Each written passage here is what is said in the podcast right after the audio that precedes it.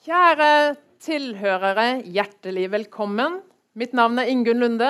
Jeg er professor i russisk ved universitetet, og jeg stepper i dag inn for Martin Paulsen, som er arkitekten bak denne serien 'Forstå Russland', som har hatt en rekke tematiske møter fra i vinter, utover våren og nå i høst. 'Forstå Russland' jeg må si det er en sympatisk tittel når jeg nå ikke har funnet den på selv. Vi vil forstå Russland. I Tyskland er Russlandversteher, Russland-forståer, eller forstår seg på-er, blitt nærmest et uh, skjellsord. Bl.a. fordi det brukes på uh, folk som ikke bare vil forstå Russland, men også viser stor forståelse for alle Russlands handlemåter i ett og alt. Her er vi ikke så mye ute etter å fordømme eller applaudere, men vi er faktisk ute etter å forstå. Og disse møtene er tematisk eh, organisert. I dag har vi nådd fram til den russiske revolusjonen, eller revolusjonsåret 1917, og arven etter revolusjonene. Og Hvis vi skal forstå, så må vi også ha med oss folk som har forstand på tingene. Og det har vi virkelig. Eh, hjertelig velkommen til våre to gjester, Per Egil Hegge og Kåre Johan Mjør. Per Egil Hegge, journalist og forfatter, redaktør, arbeidet i Aftenposten i en mannsalder. Både som kulturredaktør, kultur, som redaktør for A-magasinet, vært utenrikskorrespondent i Moskva, i London, i Washington. Har skrevet en rekke bøker. Debattbøker, biografier, bøker om språk. Og er nå bokaktuell med denne boken, 'Russland 1917'. Kåre Johan Mjør har sin doktorgrad her fra Universitetet i Bergen. Han har utgitt bøker om Talstojs fortellerteknikk, om russisk historieskriving i emigrasjon. Er eh, en av våre fremste idéhistorikere med, med Russland som spesialområde. Vi holder i dag til ved Uppsala universitet. Og hans siste bok er denne, 'Russiske imperium', som kom på sensommeren. Hjertelig velkommen til dere begge to. Jeg har lyst til at vi skal starte med å dukke rett inn i revolusjonsåret 1917. Per Egil Hegge, du går i boken din detaljert gjennom hendelsene og diskuterer også bakgrunn og konsekvenser. Eh, hva skjedde i disse dager for 100 år siden? Slutten av september, høsten 1917. Det viktigste var antagelig at uh, Lenin, som uh, nå hadde vært to og en halv måned i dekning i Helsingfors Han bodde i politimesterens villa utenfor byen. Uh, han sendte to depesjer den 25. og den 27. september til bolsjevikene i Petrograd, som St. Petersburg da het, om at nå må dere gripe makten. Eh, forspillet til dette her var en oppstand som antagelig var et kuppforsøk, selv om det aldri er blitt fremstilt slik i sovjetisk historieskrivning, i juli. Eh, og det ble slått ned. Samtidig så gjorde den provisoriske regjeringen, som tok makten etter at tsaren hadde abdisert i mars, eh, den offentliggjorde det materialet de hadde som viste at Lenin var betalt av tyskerne. Eh, og dermed utgikk det arrestordre på ham. Han gikk øyeblikkelig i dekning i Finland, som hadde fått en slags selvstendighet, eller tatt den, da. I hvert fall hadde russiske myndigheter ikke noe særlig maktutøvelse i Finland etter at tsaren abdiserte. Eh, og eh, han skjønte at han var i fare, og bolsjevikene skjønte det også. Mange av dem ble arrestert. Og han holdt seg der til et godt stykke ut i oktober. Da begynte han å trekke mot Petrograd via Vyborg eh, og dukket opp i eh, Petrograd en to-tre uker før selve maktovertagelsen den 7. november. Det er situasjonen i slutten av september. Da var etterdønningene etter det såkalte Kornilov-opprøret eh, nesten utdødd. Det var en general som ble beskyldt for å gripe makten uh, mot de radikale, uh, og han ble arrestert. Uh, og så begynte bolsjevikene å agitere for at arrestordrene og arrestasjonen av lederne, bl.a. Trotskij, som var satt i fengsel i det berømte Krestý-fengselet i St. Petersburg. Det står ennå. at de måtte løslates. sånn at oppløsningen av regjeringens makt, som var en prosess som egentlig begynte så fort den tiltrådte, det var kommet ganske langt i september. Og Lenin var blant dem som fornemmet dette på avstand da, der han satt i Helsingfors. Det er dramatiske dager, forstår vi.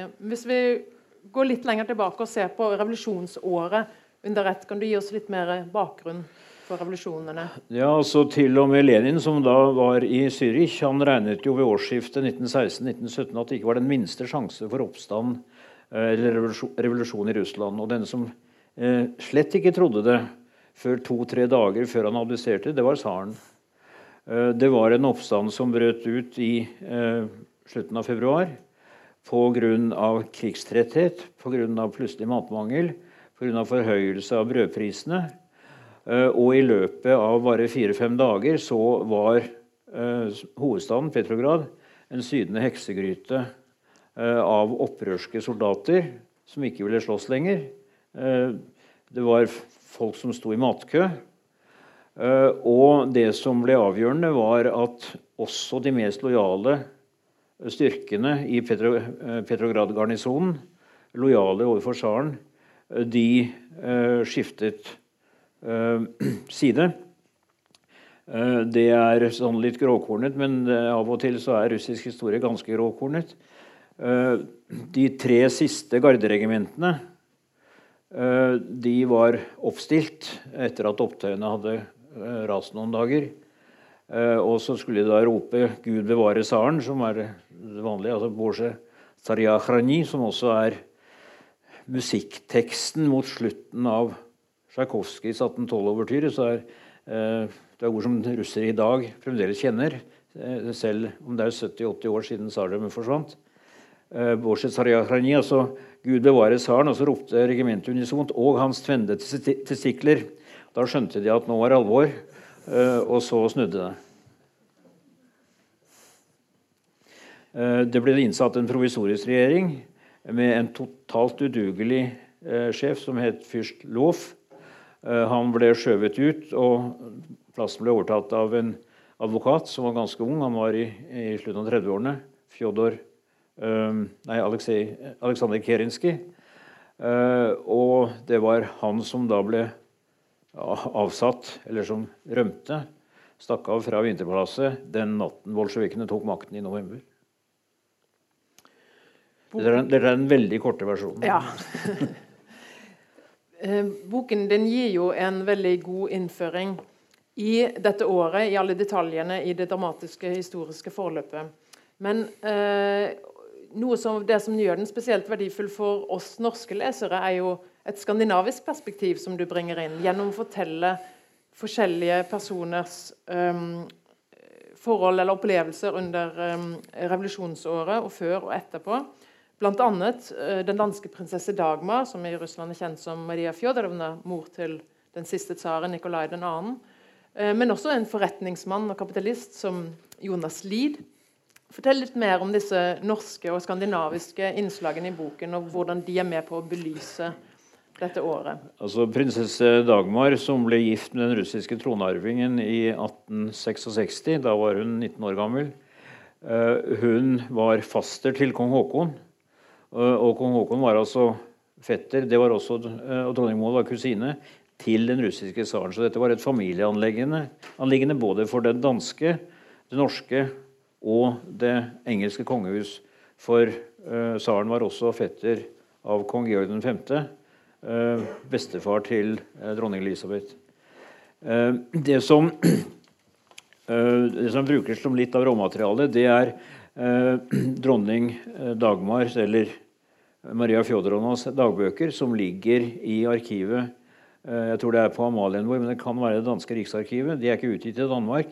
Men de ble utgitt i russisk oversettelse i Russland for omtrent ti år siden. Eh, og hun skriver veldig utførlig om disse dramatiske dagene hvor hun ikke er i eh, Petrograd, hun er i Kiev.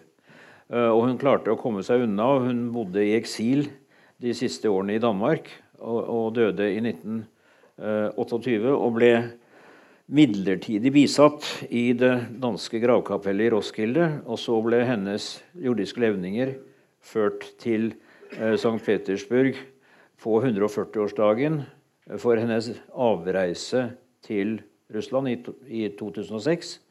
Eh, og hun ble begravet ved siden av sin mann eh, tsar Aleksander 3., som styrte Russland fra 1881 til 1894. Uh, og hun, det, er, ganske nærgående eller, altså, Det er et nærbilde av hvordan dette oppleves uh, når man er kongelig, og så plutselig ikke er det lenger. Hun var en dame som hadde uh, som visste hvilken status som tilkom henne som tsarens mor. og dermed, det er en veldig sterk bitterhet i mange av disse dagbokopptegnelsene hennes. Boken er kommet i praktutgave i Russland med illustrasjoner Eh, og også, eh, så vidt jeg kan bedømme, veldig godt oversatt fra, fra dansk. Jonas Lid eh, er en litt annen type. Han var født på Sølvsnes utenfor Molde i 1881. Og dro til Russland og slo seg opp som forretningsmann. Han fikk russisk statsborgerskap i 1912. Litt senere fikk han et æresstatsborgerskap av tsaren personlig. Han hadde hovedkvarter i St. Petersburg senere Petrograd, og Krasnojarsk i Sibir. Og han eksporterte tømmer eh, og pels eh, og sibirske tigre levende til sirkus i Vest-Europa.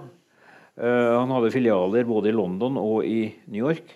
Og han var i New York da tsaren abdiserte, kom seg tilbake til St. Petersburg, skjønte at dette ville bli vanskelig, men han hadde altså albuer og ryggrad nok til å Eh, tiltvinge seg nærmest en audiens hos Lenin i desember 1917 for å høre hvordan han lå an som utenlandskapitalist. Eh, det var ikke, det var ikke Lenins prioritet å stelle godt med sånne folk, så han sendte ham videre til Trotskij, og Trotskij sa vi får se.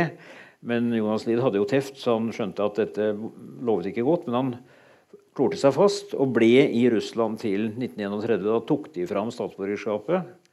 Han arbeidet for amerikanske selskaper under krigen, skrev sine memoarer på engelsk om Det sibirske kompani, som han grunnla. Eh, og Så kom han hjem til Norge og omarbeidet boken og ga den ut under tittelen 'Over de høye fjellet'. Jeg mener Den kom i 1964. Og så døde han på Sølvsnes i 1969, 88 år gammel.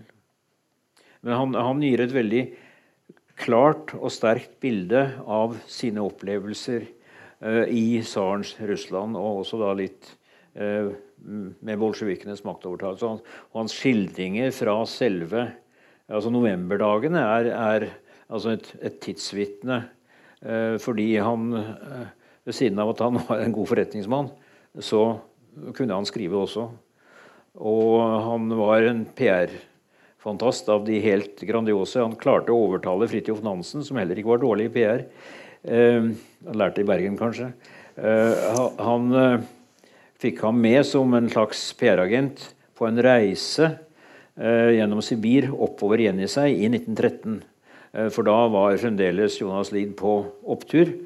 Eh, og eh, altså forretningen gikk bra, så kom verdenskrigen, eh, og så gikk det da i knas.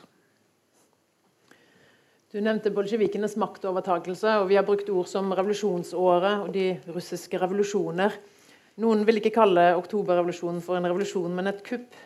Kan du kommentere det? Ja, Slik det ble organisert, så var det et kupp. Og den som organiserte det, det var Trotskij. Og de som var i byen den dagen, eh, altså eh, 7.11. og natten til den 8., de oppdaget ikke at noen ting foregikk. For det var et nitid planlagt kupp med overtagelse av nøkkelpunkter, eh, altså broer, viktige gatekryss, viktige bygninger, telefonsentraler og eh, militæravdelinger, militærforlegninger, og til slutt eh, Hærens stab. Eh, og så kommer de da så langt at de skal ta Vinterpalasset. Og dere har alle hørt om stormen på Vinterpalasset. Den, det er en fiksjon som Eisenstein laget i sin film. sånn at folk tror det skjedde, og da, kan man godt si at det er et historisk faktum. men altså dette var omhyggelig planlagt av Trotskij, så måtte jo det skrives ut av historien etter hvert som Trotskij ble en fiende. Eh, så, og, og, Det er jo et godt eksempel på en klisjé, men som så mange klisjeer så har den en, en, en iboende sannhet. Russland er et av de land hvor ikke bare fremtiden, men også fortiden er uforutsigbar. Revolusjon, brudd, på den ene siden, Kåre Johan. Imperiet og den, den imperiale idé på den andre siden to kanskje uforenlige størrelser. Det ene faller gjerne sammen når det andre inntreffer. Din ferske bok handler om imperiene. Imper russiske imperium, altså i, i, flertall. Eh, den tar for seg tidsperioden fra 1550 og fram til i dag. Og Gjennom fremstillingen av skiftende historiske epoker så viser du hvordan imperietanken har påvirket Russlands historiske utvikling. Kan du fortelle oss litt om hvordan Russland ble et imperium, og hva er egentlig et imperium, slik du forstår det? Jeg kan begynne med det siste. da. Um, imperium er jo et uh, ord som i dag kanskje har en litt negativ klang. Det er noe stort og gjerne litt truende, som uh, vokser, som ekspanderer, og som erobrer andre. Legger de under seg og utbytter de. Eh, sagt med et annet ord, Det er det en gjerne kaller for imperialisme. Eh, og det har jo absolutt vært en, eh, vært en, eh, vært en side ved russisk imperiehistorie også. Det har det. Eh, samtidig, med ordet imperium så mener jeg ikke bare imperialisme, sånn som jeg bruker det i min bok. Um, det har også en litt videre tying. Et imperium det er en stor stat, gjerne ekspansiv. Men det er en stor stat som består av veldig mange ulike områder. Uh, ulike folkegrupper med ulik kultur, ulike religioner. Og Disse ulike områdene blir kanskje styrt på ulike måter, alt etter tid og stad. Alt etter når de kom inn i imperiet, alt etter den relasjonen som har oppstått mellom sentrum og periferi. Så det er en veldig sånn heterogen, sammensatt statstype. Um, og det var Russland så absolutt. Um, Historien om det russiske imperiet går tilbake til midten av 1500-tallet, da de legger under seg eh, nabostaten, eller den statslignende formasjonen Kazan, som er en muslimsk stat. Eh, og Den ortodokse kirka legitimerte jo det som, eh, eh som et korstog mot de vantru, mot muslimer. Eh, samtidig begynner jo også imperiet etter hvert å samarbeide med elitene der. Eh, sånn at, og Det er typisk imperiet, at en også samarbeider med lojale eliter. Og Sånn blir imperiet bygd opp. og det det er et grunntrekk gjennom hele det russiske imperiets historie. Eh, det mest harmoniske eksempelet er jo kanskje storfyrstedømmet Finland, som var liksom nærmest som en stat i staten, der det eneste russerne kravde av finnene, var at de var lojale eh, mot tsaren. Men ellers så var jo 1800-tallet i Finland altså Finland ble en del av Russland i 1909. Eh, en periode for nasjonsbygging, sånn som en kjenner her til lands. og eh, ja, russiske styresmakter syntes det var flott at de samla sammen Kalevala-eposet. Det var et uttrykk for at Russland virkelig var et imperium. Um, og Den balansen den holdt seg helt fram til rundt 1900, da russerne begynte å tukle litt med den. og uh, ville at Nå må de ha mer russisk i Finland, de må lære mer russisk. Da kom reaksjonen. Da kom konflikten. Og Det er jo typisk at det skjer akkurat på den tida det begynner å oppstå konflikter mellom en lokal nasjonalisme og imperiet. Um, men det kan bare si som en illustrasjon på hvor, hvor ulikartet imperiet kan være. altså Samtidig med denne finske historien så erobra jo Russland Kaukasus. Og det er jo en helt annen historie. Veldig voldelig, grusomme kriger. Eh, fører til død og emigrasjon. Tsjerkesserfolket, f.eks. Så et imperium er veldig sammensatt. Men når du kommer fram til revolusjonen, så er jo nettopp uh, tendensen at uh, Russ, sentralt i Russland så vil en at Russ, Russland skal bli mer ensarta at russisk språk skal få mer utbreding, at russisk kultur skal være noe felles for hele imperiet. Samtidig så oppstår det da ulike nasjonale rørsler, nasjonalismer rundt omkring som reagerer på dette. her. Og Jeg nevnte Finland, men du finner det samme i Baltikum. Eh, Polen, mellom polakker. Der hadde jo lenge forholdet vært konfliktfylt. Eh, Ukraina eh, også. Eh, den ble jo undertrykt av, De ukrainske nasjonalrørslene ble jo undertrykt av eh, tsaren og styresmaktene fordi de de ville ikke godta at det fantes en egen ukrainsk nasjon. Språket ble undertrykt. Eh, det fantes òg en, eh, en, muslimsk nasjonalisme mellom muslimer. På ulike steder, men de kommuniserte med hverandre. En, der fantes det en visjon om en moderne, opplyst, relativt sekulær eh, muslimsk nasjon eh, som eh, hadde alt å tjene på å bli en del av moderniteten og opplysninga. Dette er jadid, og det må ikke forvektes med jihad, for det er nærmest det motsatte. Altså det er en opplyst muslimsk nasjon. Men det sies da at når du kommer fram mot første verdenskrigen, særlig 1914, og revolusjonen, så er det veldig mange spenninger i imperiet, også med tanke på nasjonaliteter. og jeg kan si I mange områder så er lojaliteten til tsaren liten, eller den blir mindre og mindre. Og etter hvert som det går dårlig i krigen, som var snakk om her, så uh, slutter det ikke lenger opp om tsaren. Du har vært inne på noen av de viktige utviklingstrekkene som peker frem mot revolusjonen. Men kunne vi også tenkt oss andre løsninger? Var revolusjonen en historisk nødvendighet? Eller var det profesjonelle revolusjonære som tok historiens gang i egne hender? Profesjonell var det jo, og det var jo Lenins idé, at revolusjonen måtte regisseres ovenfra. Uh, men det kunne jo tatt andre utvikling i Russland kunne jo absolutt tatt andre retninger. Um, altså Russland var et kontinentalt imperium. og det vil si at Sentrum og periferi, uh, eller kolonier, som det mange plasser var, henger sammen. og Det finnes iallfall to andre sånne imperium i Europa med mer. altså Det er jo det Habsburg-imperiet, eller Østerrike-Ungarn. Det ble jo med første verdenskrigen erstatta av nasjonalstater. Imperiet forsvant. Og Det osmanske imperiet på samme måten. En litt annen historie, men ble erstatt, det ble jo erstatta av nasjonalstater. Eh, det, allerede, det, var en utvikling som hadde gått over lengre tid, og det hadde skjedd mye før krigen. Men du fikk jo også det moderne Tyrkia. Um, i Russland så ser jo lignende ting ut til å skje. Altså Etter at bolsjevikene har tatt makta i oktober eh, 1917, så får du en hel rekke med ulike nasjoner som erklærer seg selvstendige. Fra Finland gjennom Baltikum, Øst-Europa, Hviterussland, Ukraina, Kaukasus, til med Sentral-Asia. Eh, så det, ser jo på en måte ut til å skje det samme. da. Eh, og Et par plasser så blir det også utfallet. Finland blir en selvstendig stat. De feirer 100-årsjubileum i år. Balt, de tre baltiske landene, Litauen, Latvia, Estland blir òg selvstendige. Iallfall for en periode. Um, og grensene endrer seg òg litt. altså Deler av Vest-Ukraina Vest og Vest-Hviterussland blir også del av Polen. Uh, likevel, da, når Sovjetunionen blir eh, proklamert i 1922, på slutten av 1922, så er jo faktisk mye av det gamle imperiet igjen styrt fra Moskva, som nå blir hovedstaden, ikke St. Petersburg lenger. Så da er jo tilsynelatende imperiet tilbake.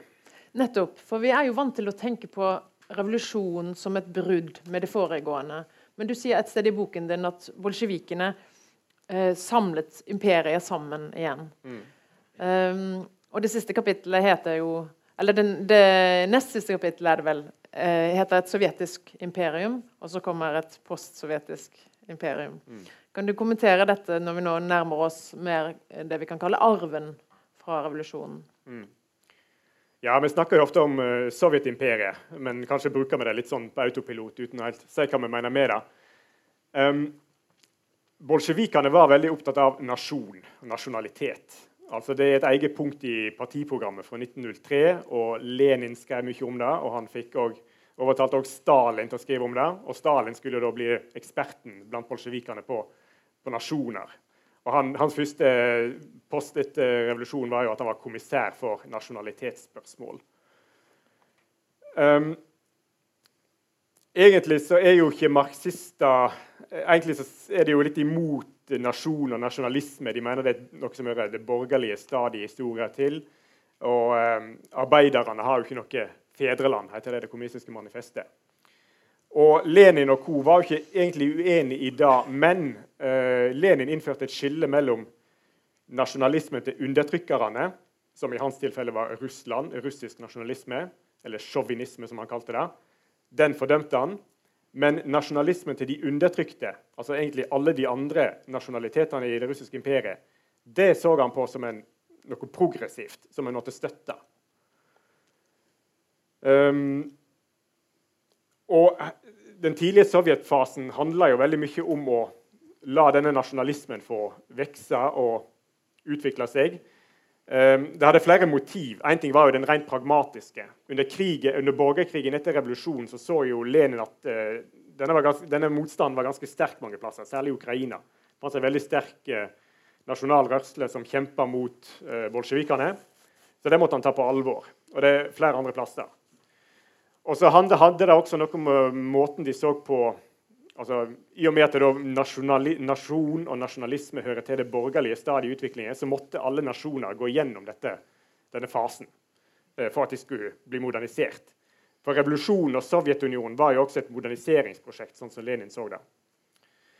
Um, så det var litt pragmatisk, uh, men det var òg en litt sånn dypere filosofisk, eller en slags filosofisk grunngiving for det.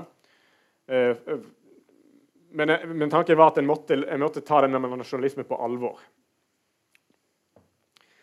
Likevel da, Lenin snakket jo også om nasjonenes rett til selvbestemming. Men han, de ville ikke egentlig at nasjonene skulle være selvstendige stater. For Målet på sikt var jo verdensrevolusjonen. Men ideen var å samle dem igjen og, og la dem få vokse fram innenfor en sånn ny overordna stat, som da ble Sovjetunionen. Um, men så kan en diskutere om bolsjevikene likevel var imperialister, i og med at de samla sammen det gamle imperiet. Og til en viss grad så må det jo sies det har vært det. Um, flere ganger så sendte de Den røde armeen inn i området der det satt nasjonale regjeringer og styrte. Flere ganger i Ukraina. Uh, rett nok hadde bolsjevikene stor støtte i Ukraina blant arbeidere, men det var jo veldig konfliktfylt. da. Uh, det mest tydelige eksempelet på uh, bolsjevik-imperialisme må jo kanskje ha vært Georgia, der de i 1921 sendte inn Den røde armeen og kasta et, et, faktisk et sosialistisk styre, en mensjevik-regjering, som styrte der. Uh, fordi at de ville også ha Georgia med i Sovjetunionen. Um, og ellers så sa jo Lenin at vårt prosjekt er avhengig av olje fra Kaukasus, bomull fra Sentral-Asia, korn fra Eh, Ukraina, altså typisk kolonivare, kan jeg si, da, koloniområde. Så Der har du imperiebiten. Men, men, samtidig så mente de jo at dette var et antiimperialistisk prosjekt. At Sovjetunionen skulle være en frigjøring av nasjoner. Um, og det de gjorde, da, det var jo innenfor denne staten så ga de ulike nasjonaliteter autonomi, som de kalte det.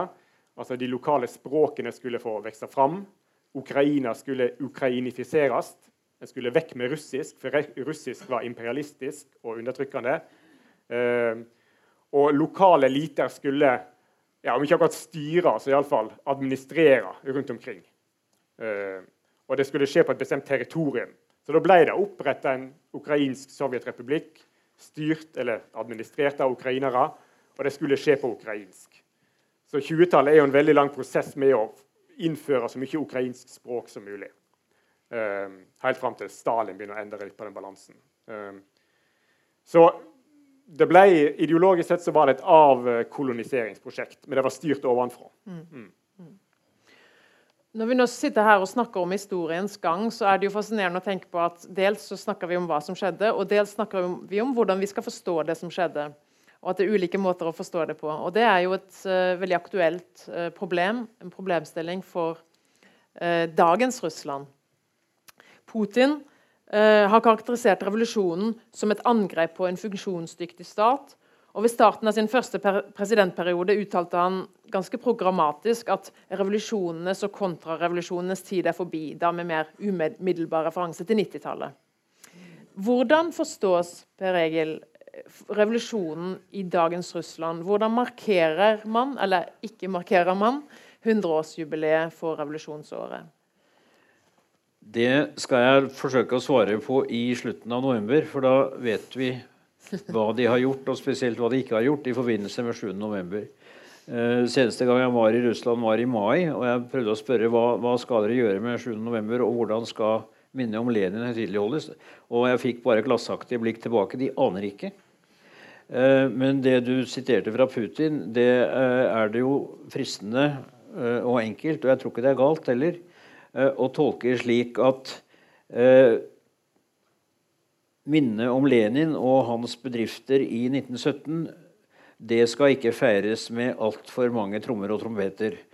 For det kunne skape det kunne så farlige ideer i folk som mener at jaha, men hvis vi har en leder som vi ikke er fornøyd med, da styrter vi ham. Da er det sånn. Det, det, det tror jeg ikke blir Putins program i november. Så jeg, jeg tror han vet like lite som jeg, og da er det ikke mye, om hvordan dette skal håndteres. Så jeg, jeg vil bare ty til en av de få etterlevende floskler av president George Bush senior. Følg med, så får dere se hvordan det går. ut fra forskjellige signaler så tror jeg likevel vi kan si at revolusjonen fremstår litt som et problem. Um, liksom hele perioden omkring revolusjonsårene. En annen uttalelse, denne gang fra kulturminister Medinsky i 2015 om borgerkrigen, så sier han at det handlet egentlig ikke om vinnere eller tapere, for alle var russiske patrioter, og det handlet om å finne sammen i en enhet. Uh, hvor Johan, vil du kommentere dette, eller denne søken etter enhet og forsoning, som er blitt så sterk i dag, også um, som motvekt til å feire revolusjon og brudd? Ja, men Det er jo helt typisk for Putin, Kreml og det regimet at det handler om å insistere på at Russland er ett, at det er forsont, at det er ingen konflikter. Hvis det er konflikter, så er det fordi det, det kommer noen utenfra. Eh, femtekolonister, eller hva det måtte være. Um, så det er jo helt sentralt i, i, hans, i Putins tenking om, om, sitt eget land. Og Det gjør jo bare revolusjonsjubileet enda mer problematisk. Uh, det er jo òg et regime som er veldig antirevolusjonært. Altså, og da særlig tilvisning til disse såkalte fargerevolusjonene som har vært i nabolandene siden oransjerevolusjonen i Ukraina i, i 2004. Og så har det vært til, uh, slike revolusjoner i Georgia og Kirgisistan. Og så kom jo da Euromaidan-revolusjonen igjen i Ukraina i 2013-2014. Uh, eh, og dette med fargerevolusjoner det er jo noe som ofte blir spilt på i dagens Russland og blir framstilt som en måte som Vesten fører krig mot oss på, altså gjennom disse statene. Så revolusjon er jo et problem. Um, men da Putin holdt sin tale til, til um, parlamentet i desember i fjor Han har en sånn årlig tale til parlamentet, litt samme som de har i USA. Uh, så nevnte han jo faktisk revolusjonen. Det var jo kanskje ikke helt innlysende at han skulle gjøre det, men han, han valgte å komme inn på den og ikke bare gå forbi den. Men han sa at revolusjonen var tung uh, og vond, og den skapte splid, splitting i Russland. Men vi har funnet sammen igjen, og vi er i dag ett folk. Så jeg tipper jo at revolusjonsjubileet om ikke så veldig lang tid da, på en eller annen måte kommer til å handle om forsoning. Alt, alt tyder på det. Det er jo ellers en veldig svær og ressurssterk komité som er satt ned da, for å finne ut hva de skal gjøre med dette her med filmregissøren eh, Nikita Mikhalkov og kjente journalister, forfattere, mm. public mm. intellectuals osv. Mm. Ikke så mange historikere, tror jeg. Nei, riktig. Mm. Ortodokse kirker er med. Ja. ja. Det regel, du har en kommentar. Ja, det er kommet noen signaler eh, som tyder på som peker i retning av hvor vanskelig dette problemet er for dagens eh, folk i, i Kreml. Eh, det ene, og nå tar jeg en krokvei inn i det, eh, det er barnelitteraturen. Fordi da vi bodde i Moskva, familie og jeg, eh, og det er snart 50 år siden, så var det ingen utenlandsk forfatter som var mer populær for barn enn Astrid Lindgren. 'Karlsson på taket' gikk for fulle hus, og til og med Pippi Langstrømpe var en etterlignelsesverdig figur. To av Putins nære venner fra folkeskolen har fått monopol på å utgi undervisningslitteratur. Og det er ikke forbud mot Pippi Langstrømpe. Men trykkingen av bøkene om henne er liksom lagt på is og dempes. For jenter som bærer politikonstabler og løfter hester, det er farlig. det. Altså, det er en sånn Ludvig-holdning til Pippi Langstrømpe. Det er virkelig farlige greier. Så dette her skal vi ikke, ikke fremheve.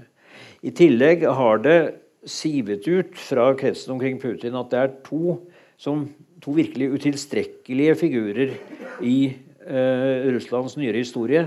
Og det er Nikolai 2., altså tsaren, og Gorbatsjov. For de fikk seg overlatt et imperium, og de klarte ikke å holde sammen på det. Det glapp ut av hendene på dem, og da blir det kaos. Og det skal vi ikke ha. Og uh, Dette er min egen teori, og den, uh, dere kan forkaste den, men jeg skal fremheve den likevel. Uh, det er at grunnlaget for å forstå den russiske politikken vis-à-vis Syria ligger i skrekken for revolusjon. For det er en innrømmelse innad at revolusjonen skapte et kaos og en nedgangstid som var helt forferdelig for Russland. Det er det ikke mulig å si i den offisielle historieskrivning. Men uh, de har sett det nå i opprør på opprør i Midtøsten. Den arabiske våren, bare kaos alle steder. Og Putin er fullt ut klar over at Assad i Syria er en banditt. Men han er vår banditt. Og hvis vi ikke støtter ham, så vet da pokker hva som skjer. Så altså, Det ligger ingen idealisme bak det å holde Assad ved makten, men unngå revolusjon for enhver pris. Det synes jeg liksom, Hvis man ser på linjen i den russiske Syria-politikken, så ser man det helt tydelig. Og jeg skulle ta mye feil hvis det ikke kommer til å gjenspeiles i den måten man ikke feirer novemberrevolusjonen nå om to-tre måneder med brask og bram og trommer og fanfarer. Det er en spådom, og det er jo dristig med å komme med spådom, for dere kan jo om tre måneder si at du tok jo feil. Men eh, den, den sjansen tar jeg. Vi får se. Kåre Johan, du har den. Ja, um, kan også legge til at uh, Også Lenin har blitt kritisert flere ganger av Putin de senere årene. Uh, Lenin og de tidlige bolsjevikene for måten Sovjetunionen ble organisert på. Um, F.eks. i samband med an annektering av Krim i 2014 så kritiserte han jo at Donbas-regionen faktisk ble lagt til Ukraina. At grensene ble trukket sånn at Donbas havna i Ukraina. Det skulle heller vært Russland. Um, han har kritisert Brest-Litovsk-freden i mars 1918. Eh, altså en separatfred som bolsjevikene da inngikk med Tyskland. Uh, Lenin hadde jo lova fred. Uh, og um, der da store deler av det vestlige delen av imperiet ble avstått til Tyskland bl.a. Ukraina. Eh, Ukraina kom på tyske hender. og Det har Putin karakterisert som et svik mot fedrelandet. Og Det får jo en ekstra betydning i en situasjon der det er konflikt mellom Russland og Ukraina. Og, og også Måten Sovjetunionen ble organisert på altså Sovjetunionen var jo en føderasjon av i teorien likestilte republikker. altså Russland og Ukraina, og alle de andre var på samme nivå. Um, at Russland hadde et hegemoni, det er en annen ting, men, men formelt sett så var de likestilt. Um, men den modellen uh, den kritiserte Lenin, nei, unnskyld, Putin det var vel i 2016. Han, kalte det, han brukte sterke ord. Han kalte det en atombombe som ble lagt under Russland, klar til å detoneres. Og Den ble da detonert i 1991, eh, da disse republikkene kravde selvstende. Men, men, hele, men, den måten at Russland ble likestilt med andre republikker, det var en atombombe. Og Så la Putin til at Stalins modell Stalin hadde nemlig et alternativ på begynnelsen av 20-tallet. At de ulike republikkene skulle inngå ikke i Sovjetunionen, men i Russland. At, at Russ, Ukraina da ville vært en del av Russland. Heller, den modellen hadde vært å foretrekke sa Putin. Uh, nå var dette et forslag fra Stalin, og Stalin gjorde aldri noe med dette her når han kom til makta. Eh, Sovjetunionen ble værende sånn som han var fra starten av uh, strukturen. altså. Men uh, igjen, i lys av konfliktene Ukraina burde vært en del av Russland. det er det han sier. Mm. Og han skylder på de tidlige bolsjevikene. Mm. revolusjonen. Det er et uh, tilbakeblikk til 1917 i denne utmerkede boka. En stor biografi om Gorbatsjov. En grei liten sak på 700 sider. Som er kommet nå nettopp. Skrevet av William Taumann, en amerikansk professor som også har skrevet om Khrusjtsjov. Og der er det en anekdote med det første møtet som president Mitterrand fra Frankrike har med Gorbatsjov. Eh, og Gorbatsjov, som var veldig, er veldig pertentlig med tid Det er ikke Mitterrand. Men han kommer for sent til et av de avtalte møtene med Mitterrand. Og det gir jo Mitterrand eh, bengen i. Men, men uh, Gorbatsjov føler at han må gi en unnskyldning. Og så sier han at uh, det oppsto et plutselig problem med noe, et jordbrukspolitisk spørsmål. og Vi måtte ha et møte om det, så jeg beklager at jeg er for sen. Ja vel, sa han. Når oppsto det problemet? spør Mitterrand sånn for høflighets skyld. Tja, sier Gorbatsjov. 1917, kanskje? uh, og, og det, det, er bare en anekdote, men det, det, viser hvor Altså, det er ikke bare å feire Lenin altså, uh, når vi kommer til 7. november. Som vi snart gjør. Mm.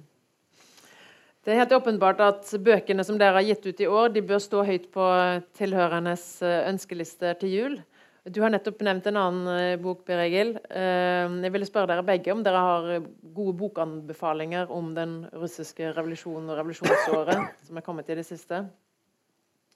Du legge til noe? Det, det er jo kommet en hel haug med bøker, ikke minst i, i England og, og Amerika, om, om den russiske revolusjonen noen altså med en sånn tidslinje som i grunnen er eh, forsøket på struktur. Da. I min bok jeg er ikke så veldig strukturert anlagt. Eh, og, og uh, det er en rekke fremragende eksperter på russisk historie som virkelig har tatt seg på tak i forbindelse med jubileumsåret. Så det er mye å lese på, som dette på trøndersk hvis det er det man er ute etter. Når det gjelder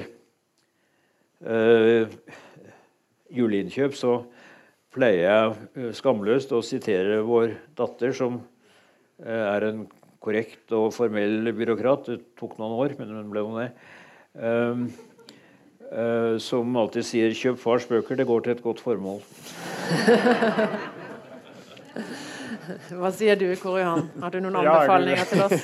jeg kan si det samme til mine barns venner. Um, jeg har med meg ei tjukk bok. Um, som er kommet i år nettopp, uh, av en av mine sakprosa-favoritter, uh, Joris Leskin. Sånn ser så tjukk er den. han er en russisk-amerikansk historiker. Han vokste opp i Moskva i Sovjet, Sovjetunionen, senere Sovjetperioden, og utdanna seg som filolog og ble tolk. og Bodde i Portugal en stund, men så dro han til USA da, på begynnelsen av 90-tallet og begynte på en karriere som akademiker. Um, han publiserer ikke så veldig ofte. er tydeligvis ikke noe sånn 'publish or perish' uh, der i gården. Men han har nå blitt professor ved Berkeley, da, så han trenger kanskje ikke tenke på det lenger. Men han, han er en kresen forfatter. Han, det, alt han publiserer, er veldig bra, syns jeg. Han ga ut sin første bok i 1994. Den heter 'Arctic Mirrors'. Den handler om uh, urfolkene i Sibir og deres forhold til først imperiet da, og så Sovjetunionen. Um, Ti år senere, i 2004, kom han med ei bok eh, som har fått mange priser, som heter The Jewish Century. Som handler om jødene igjen i imperiet og senere i Sovjetunionen. Um, og Det er jo også en bok som handler om revolusjon, så den vil jeg også veldig anbefale. The Jewish Century. Uh, den har et veldig gripende kort forord um, der han skriver om bestemødrene sine. Uh, han skriver at Som alle som vokser opp i Sovjetunionen, så, så er bestemødrene viktige. Og Han hadde da ja, to. og Den ene var da av kosakkbakgrunn, altså en litt adelig. Uh, og mista alt hun eide i revolusjonen, uh, men enda sitt liv som lykkelig i sitt heimland. Forsonte seg med Sovjetunionen, trivdes der. Eh, så, så, hun var egentlig taperen i revolusjonen, men, men innfant seg med det og var likevel lykkelig. Den andre hadde jødisk bakgrunn, var fra det jødiske bosettingsområdet vest i imperiet. Uh, ehm, Ofra seg for revolusjonen, levde et omflakkende liv, uh, dro i eksil. Kom tilbake på 30-tallet for å være med på å bygge kommunismen. Mot slutten av livet sitt så sa hun at mitt liv har vært a failure, men hun var stolt av sin jødiske bakgrunn. Så Det er en sånn veldig flott oppsummering av, eller ikke oppsummering, men eksempel på Sovjetunionens paradoks. At de som ofra seg for prosjektet, satsa på det, var taperne. De som tilsynelatende var taperne, de fant seg likevel til rette. Noen av dem iallfall. Uh, denne årets bok da, heter 'The House of Government' og undertittelen 'A Saga of the Russian Revolution'. Uh, og saga, altså Det er et episk verk. Um, og Kritikere allerede sammenligner det med 'Krig og fred' av Tolstoy og den typen tjukke romaner. Men det er et historieverk. Um, og dette House of Government det er en svær bygning midt i Moskva, på motsatt side av Kreml eh, altså på andre sida av Moskva-elva, som ble bygd under den første femårsplanen rundt 1930. Og Det skulle være et hus for den nye partieliten, der de skulle bo. Svær bygning. Eh, også kjent fra en novelle av Trifonov, eh, 'Huset ved bredda'. heter det. Um, så Det er da en fortelling om revolusjonen gjennom dette huset. Alle som flytta inn der, bodde der. Men òg, som dette huset er kjent for, alle som ble henta midt på natta under Stalins utrenskninger og ført vekk. Ehm, så det er lest, eh, revolusjonen lest gjennom det huset. Så det handler veldig mye om partieliten i Sovjetunionen. Uh, men siden jeg nevnte forordet uh, til den forrige boka, så kan jeg bare kort lese epigrafen til denne boka. This is a work of history. Any resemblance to fictional characters, dead or alive, is entirely coincidental. Joris. Tusen takk for gode anbefalinger. Jeg tenkte vi skulle nå åpne opp for spørsmål fra salen, hvis det er slike. Det er det, og da må jeg be om at mikrofonen kommer til spørsmålsstilleren. Der var det. Og så er det etterpå her, ja.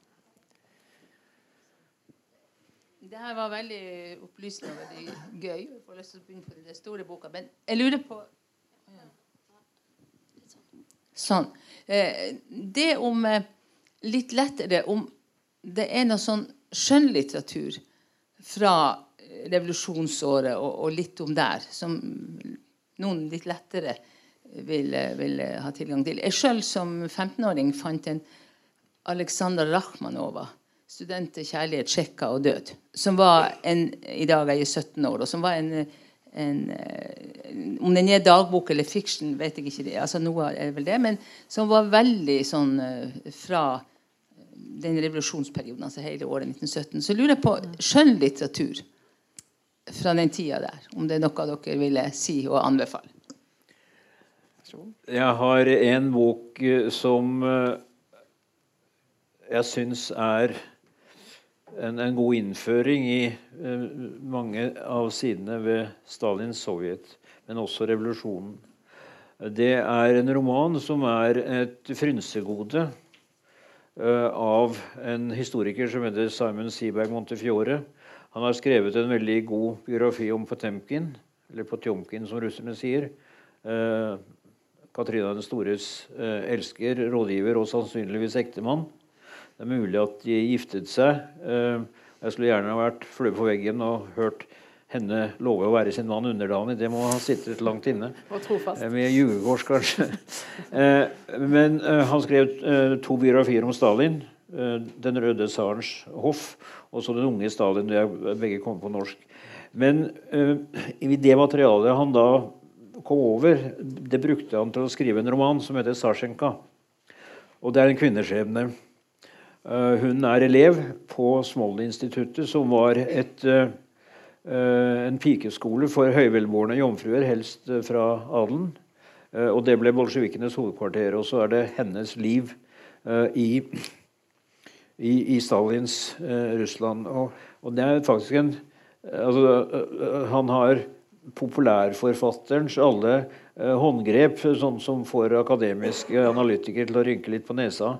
Men det er drivende godt fortalt, eh, og, og, virkelig fin underholdning. Er, så vidt jeg vet er den ikke oversatt til norsk, men den finnes på engelsk. 'Sasjenka' av Syberg Montefiore. Ja. Um, dere var inne på at uh, det var to stykker som fikk overlevert imperiet fikk særlig, og som ikke klarte å holde på det. Eh, det var jo Nikolai 2., og så var det Gorbatsjov. Eh, Gorbatsjov har vel i ettertiden blitt eh, stående som den store skurken kan du si, så langt i historien, fordi at han på en måte var den som var ansvarlig for at Sovjetunionen gikk i oppløsning. og Mesteparten av tiden som, som, Putin har brukt nå, det var, har vært på å gjenoppbygge den sterke sentralmakten. Men eh, hvorfor har da Jeltsin sluppet så billig unna så langt i historien? Fordi det var jo i realiteten han som eh, kan du si, desentraliserte og ga mye makt ut i provinsene, og ikke minst eh, kan du si, løste opp alt som var av statlige eh, bedrifter i eh, Sovjetunionen. slik at Eh, hvis du ser på dette samla, så kunne du nesten være fristet til å si at den store skurken i Russlands historie er jo faktisk Jeltsin. Og han var heller ingen demokrat, selv om Vesten hadde store forhåpninger til at han skulle utvikle en demokratisk Russland. Har du kommentarer til det? Ja, jeg, kan, eh, jeg vet ikke om han har sluppet så billig. Han er vel ikke like langt nede på disse rankinglistene som Gorbatsjov over de minst populære. Men ja, ja, han ble jo freda av Putin da, for videre Eh, etterforskning, det ble han. Eh, men 90-tallet er jo et sånt skjellsord i Russland. Eh, altså, og det med god grunn. Det var jo et tiår der mange opplevde fattigdom og mye tap. Men det blir jo ofte framstilt så negativt at det som det kan jo peke på positive ting ved det, ved det, ved det tiåret òg. F.eks. eh, liberalisering på mange områder, eh, som blir helt neglisjert i dag. så 90-tallet er blitt et skjellsord. Men det, og det, det, går jo tilbake på Jeltsin, og, men også hans nære krets, og Gaidar og sånne folk. Og oligarkene, selvfølgelig. Som, som, jo kanskje er enda større skurk enn Jeltsin sjøl i denne fortellinga. Mm. Så Den økonomiske politikken og den økonomiske situasjonen under Jeltsin var jo et kaos. Eh, men det som ble stående til Jeltsin, det var at han hadde faktisk en veldig dyptgående forståelse av hva det betyr å ha ytringsfrihet. Eh, og det er ingen journalister som er imot ytringsfrihet av grunner som jeg slipper å forklare. Eh, så det er lett å, å, å kjøre over dette med at det ble svært vanskelig for dem som skulle være i dette samfunnet og, og leve der. Uh, og det at Putin da kom til makten og brakte en viss orden, samtidig som han fikk inntektene fra Irak-krigen Det var jo to mennesker i verden som kjente godt for Irak-krigen. Det var Kristin Halvorsen og Putin, uten sammenligning for øvrig. Når det gjelder Gorbatsjov, så får man også i denne boka et inntrykk av at han egentlig hadde ganske gode begreper om hvor han ville. Men han hadde ingen anelse om hvordan han skulle komme seg dit. Og du trenger ikke å være turist på Ulrikken for å vite at du må ha greie på begge deler. Eh, ellers så, ingen, ellers går foretakene galt. Og særlig hvis du skal på fjelltur i Norge, så må du vite begge deler. Du må vite også hvordan du kan komme deg tilbake i en nødsituasjon. Det hadde han ingen begreper om. Og han begynner altså å føle allerede ved årsskiftet Han kommer til makten i mars 85 ved årsskiftet 86-87 så begynner han å få en følelse av at dette går gærent. For han vet ikke hva han skal gjøre. Uh, og det å, han, han, blir en av dem som får to poeng for fremmøtet og tre poeng for forsøket, men null poeng for resultatet. Sånn som historieoppfatningen er i dagens Russland. Ok, eh, Takk. Bjarte Bjørsvik eh, skriver en masterhistorie om Sovjetunionen-Syria-relasjon. Det er jo et stort land, verdens største, og, og mange minoriteter. Eh, ca. 80% er vel russere. Og det er jo noe som holder det sammen på, grunn, på tross av all kompleksiteten, og så er det noe som sprenger ut. Eh, nå forstår jeg det sånn at eh, russiske kvinner får eh, færre barn enn reproduksjon. Og, om den muslimske befolkningen øker. Ukjent hvor stor han er, og hvor stor veksten er. Men eh, hvordan ser dere det nå? Altså, En er jo revolusjonsspøkelset som, som, ligger der, men det er en underliggende eh, tendens demografisk her.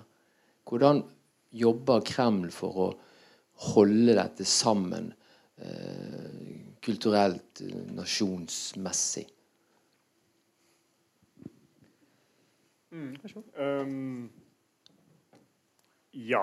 Uh, ideen, For å begynne med Jeltsin da igjen, altså Hans idé var jo at uh, russere var de som var borgere av uh, den russiske føderasjonen. At det var det som gjorde dem til russer først og fremst, og etnisitet kom i andre rekke. samtidig som da Russland tok over den gamle sovjetiske, russiske sovjetrepublikken med sine republikker med etnisk definerte territorium, Tsjetsjenia, Tatarstan og sånne, med særlige retter. Men liksom det overordnede skulle være at en russer var en borger av, av, av Russland.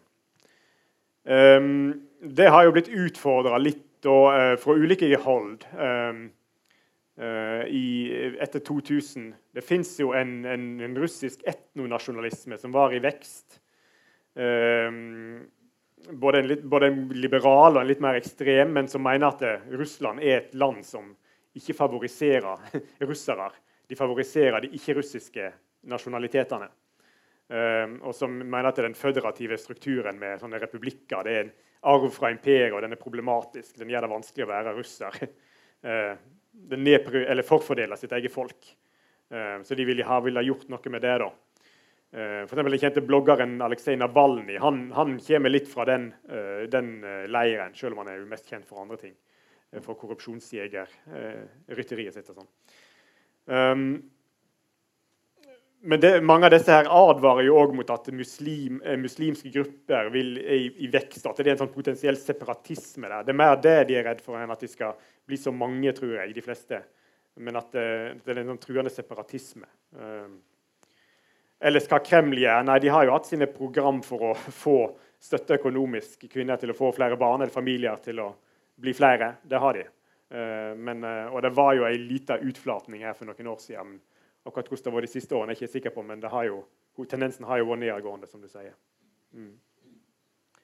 Det har gått litt bedre med barnetallet de siste årene, men ikke, ikke mye. Og det er fremdeles langt unna. Og altså 2,11 barn per kvinne statistisk sett. Uh, men de, dette henger også sammen med alkoholmisbruket. For kvinner er jo litt nøye på det. Å få barn med en fyllik som da stikker av, det er, det er liksom ikke idealopplevelsen, har jeg forstått. Uh, og uh, dermed så legger det en demper på reproduksjonstendensene. Eh, men det er Altså dette, dette underliggende sosiale problemet eh, er en eh, Altså de har forsøkt å gjøre noe med det. De stimulerer, de øker morstrygden, de bygger ut barnehager. Men ikke i et omfang som hjelper på dette her. Så det er lang, et langtidsproblem eh, som Putin snakket om da han gikk av som president i 2008. Eh, men det blir omtrent som eh, når Marit eh, Magnhild Meltvedt Kleppa snakket om at nå skal det bli skikk på jernbanen i Norge. Det høres bra ut, men det går ikke på skinner likevel. Vi har et spørsmål her foran. Ja. Ja, det ble sagt at Russlands støtte til Assad kan finne sin forklaring i det at man vil dempe revolusjonære krefter i Russland. Eller risikoen for revolusjon i Russland i dag. Hvor finnes disse revolusjonære krefter klassemessig i Russland? Hvor aktive er de? De er vel ikke så veldig aktive fordi altså, frykten for det kaoset som kommer med en revolusjon, det er blitt fremhevet i, i altså, den underliggende historieskrivningen nå om, om det som skjedde et, etter revolusjonen. Uh, men altså frykten for kaos uh, er enorm i de landene som har gjennomgått en revolusjon. For de vet hvilket kaos som eventuelt kan bli resultatet. Og da er det bedre å sitte rolig i båten.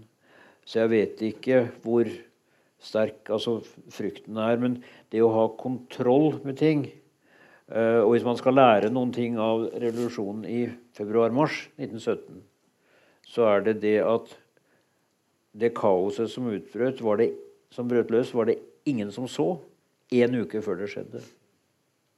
Så det, altså, det å risikere noe sånt en gang til det, det, Jeg forestiller meg at det sitter veldig, veldig dypt, og har sittet hele tiden, i ryggmargen hos lederne. Jeg kan legge til, Hvis den finnes noen plass, eller iallfall det som Putin har vært redd for, det er vel rett og slett uh, middelklassen i de store byene. Iallfall de som protesterte i 2011-2012, den vinteren.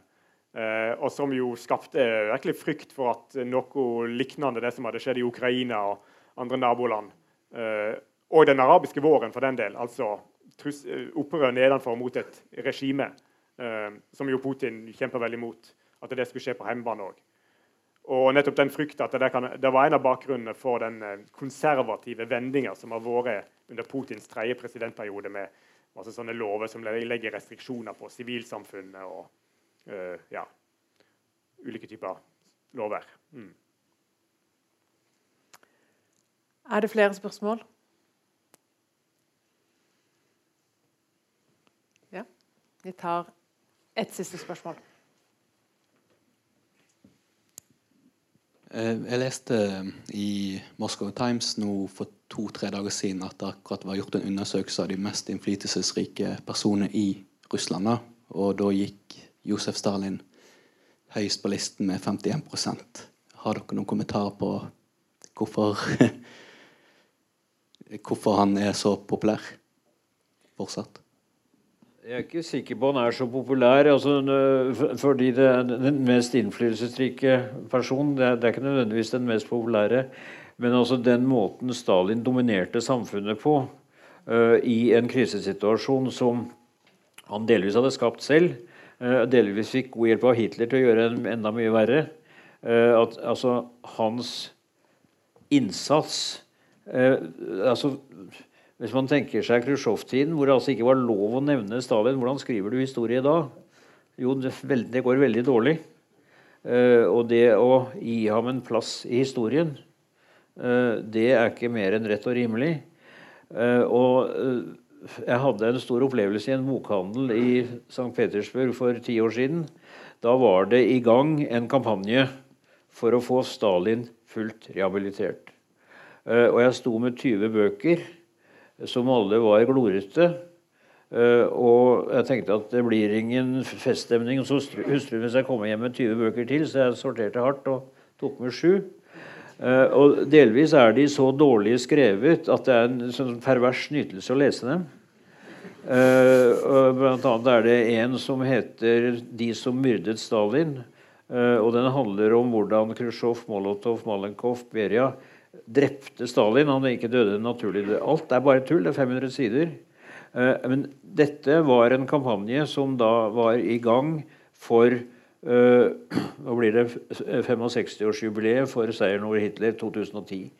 Der satte både president Medvedev og statsminister Putin foten ned og sa hvis noen skal feires, så er det de egentlige heltene. Det er det store sovjetiske folk som stanset fascismen. Stalin var en betydelig skikkelse, eh, og han skal vi ikke skrive ut av historien. Men det er ikke han som skal hedres. Jeg var tilfeldigvis der i mai 2010. Eh, og da var det plakater overalt og bannere og greier. Det var ikke ett bilde av Stalin, men det var altså eh, ære til det heltemodige sovjetiske folk. Så altså, det, det, demmes opp for akkurat Stalin-dyrkelsen, selv om det kommer eh, også nær sagt gode, og det har kommet balanserte bøker om Stalin. Men altså denne, dette takraset av virkelig gedigen, dårlig litteratur Eh, det stoppet med dette her. Eh, og jeg, jeg klarte å smugle disse sju bøkene inn i heimen eh, og, og, og har dem på hemmelig sted. For de vil, jeg forestiller meg at de en gang vil være verdifull for historikere. Ikke, ikke pengemessig, men, men, senere fordi det altså, ingenting er, Ikke noe av resonnementene henger på greip. Men som fantasiprodukter og som uttrykk for en sånn grunnholdning nede i Stalin-grumset, så er de interessante. Legge til. Ja, altså Stalin klatrer jo stadig høyere og høyere på sånne lister som jevnlig blir laga over de viktigste personene, ifølge russere sjøl. Det blir jo gjort mulig av en bestemt måte å lese Stalin på, da, som ikke nødvendigvis underslår alt, alt det fæle han gjorde, alle brotsverkene og Gulag og dette her, men at de blir tona ned og sagt at ja, det var ille, men du må først og fremst se på alt det store han gjorde. Altså Stalin som imperiebygger, som gjenoppretter et sterkt Russland, selv om det heter Sovjetunionen. Det blir jo oppfatta sånn ofte. Og rett og slett egentlig også Stalin som antirevolusjonær, som den som overvant det revolusjonære kaoset fra, fra revolusjonsperioden. Eh, en effektiv manager, som det gjerne blir omtalt som. Eh, det muliggjør en sånn positiv holdning til Stalin. Som er vanskelig å forstå tross alt for oss. da. Men her har vi i hvert fall to bøker som vi kan stole på, i motsetning til disse syv som Per Egil tok med seg hjem. Um, og jeg vil si hjertelig takk for deltakelsen, Per Egil Hegge og Kåre Johan Mjø. Hjertelig takk til tilhørerne, og hold ører og øyne åpne for nye møter i serien 'Forstå Russland'. Takk for oss.